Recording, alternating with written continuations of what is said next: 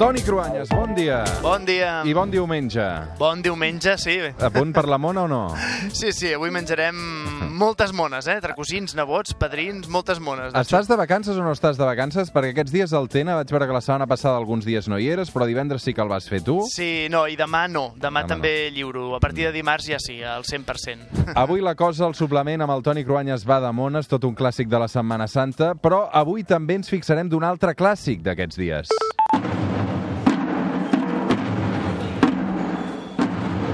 A veure, això és una de les moltes processons que es fan aquests dies a Catalunya, en concret és el so dels Manaies de Girona. És una desfilada de romans, això, Cruanyes. Sí, sí, és una mostra de la petjada que els romans van deixar a casa nostra, perquè, a veure, Roma va dominar el món durant 700 anys, gairebé res, des del segle II abans de Crist fins la caiguda de l'imperi. Van arribar fins als confins d'Europa, que seria dir com el món sencer, tenint sempre el centre de comunicació i d'influència més gran al Mediterrani. I ara que parlàvem dels Manaies, aquesta setmana han estat notícia. Sí, notícia perquè és el primer any que hi han deixat participar noies. Fins ara només ho podien fer els homes. Avui amb Antoni Cruanyes una altra història sobre la Setmana Santa i els romans.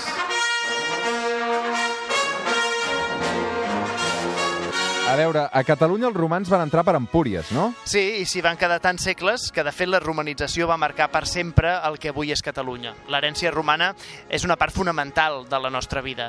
Començant pel que ens uneix ara mateix, a tu i a mi i als oients, que és la llengua, el català. El que parlem avui ho devem en bona part a la barreja entre el que parlaven els ibers i el llatí, que es va imposar com a llengua franca a tot l'imperi. Aeses Faust, notissimi, professores doctissimi, hospites clarissimi. Interessantíssim, eh? Aquesta noia que parla eh, és una estudiant de la Universitat de Harvard fent un discurs en llatí, amb accent anglès, perquè se li nota, una oratòria també eh, molt important pels romans. Sí, eren molt importants perquè els romans, primer de tot, eren una república i, per tant, calia convèncer els electors. I després també com a imperi perquè havien d'entendre's amb els països diferents que conformaven l'imperi. Totes les llengües llatines tenen aquesta arrel comuna. El castellà, el francès, l'italià, el romanès... I, de fet, Espanya, per exemple, no es diria així si els romans no l'haguessin anomenada Hispània. Sí, que de fet vol dir terra plena de conills, perquè és com ells ho van veure, és el primer que, en què es van fixar, no?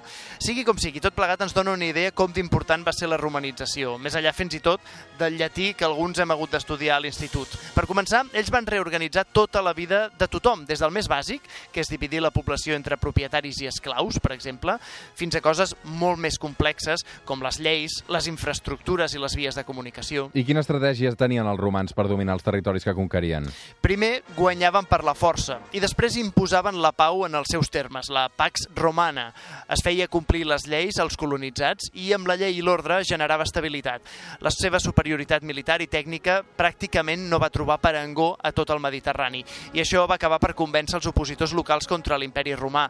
Ja, de fet, hi ha un moment, molt recordarem, de La vida de Brian, la pel·lícula de Monty Python, que ho descriu amb molt sentit de l'humor. Y a cambio los romanos, ¿qué nos han dado? El acueducto, Y las carreteras, la sanidad. La enseñanza. Sí, sí, de acuerdo, de acuerdo. Y el vino. Ah, claro, es verdad, no, por supuesto. Sí, eso sí que lo vamos a echar de menos si se van los romanos, Rex. Això és la vida de Brian, Toni. Sí, sí, sí. El recordem tots, perquè tots hem rigut. I és molt divertit també veure com aquesta revolta no, dels jueus contra els romans, però quan es posen a fer la llista de tot el que els romans els han donat, no sé si els surt gaire compte. No, mira, els aquaductes i el vi, aquí al surt, no? Home, per exemple, el vi i l'oli d'oliva, que ja existia a la península ibèrica, però que ells van convertir en un gran negoci que encara dura. Possiblement el més visible avui, el que identifiquem més amb els romans, però són els temples, els teatres romans, que encara es mantenen. Moltes d'aquestes infraestructures van ser crucials en el seu moment per l'expansió del tipus de vida romà, per la civilització. Però vaja, encara avui construïm els edificis en columnes, amb arcs i amb cúpules, com aleshores, i en això, com en tantes coses, els romans havien copiat els grecs, però al final van ser ells, els romans, els que van expandir-ho i ho van consolidar. El circ i els espectacles de gladiadors també són herència dels romans, evidentment. Sí, ho tenim molt present, i clar, el cristianisme. Mm. És cert que neix com una escissió del judaïsme a Israel, però no s'hauria estès ni hauria arribat a tot el món si no ho hagués fet a través de l'imperi romà, que va acabar adoptant el cristianisme com la seva pròpia religió. Hi va haver lluites i un canvi del politeïsme a l'acceptació d'un sol déu. Això també ha donat per moltes històries, moltes llegendes, com possiblement la més coneguda, la de Ben-Hur. Solo existe una realidad en el mundo de hoy. Mira hacia Occidente, Judá. No seas necio, mira hacia Roma. Prefiero ser necio a ser traidor o asesino. Tienes que estar conmigo o estar contra mí. Si tengo que elegir, entonces estoy contra ti. I, evidentment, ens van deixar totes aquestes uh, pel·lícules de romans, eh? Les pel·lícules són el gran llegat de la televisió per Setmana Santa. Com ompliríem la graella sense aquestes pel·lícules aquests dies? No sé si n'has vist alguna, tu? Sí, sí, també, cada, cada Setmana Santa hi caic. Aquesta setmana vaig veure Gladiator, Ah, em sembla bé. que era Antena 3. No sé quin dia la feien, però... Fantàstic. Has visto un ciclo en televisión del fin en tiempos de Franco. Yo soy aquel chaval que creció en la fila de los mancos. Si un dedo acariciaba una pierna, un cuello, un sujetador. Bramaba la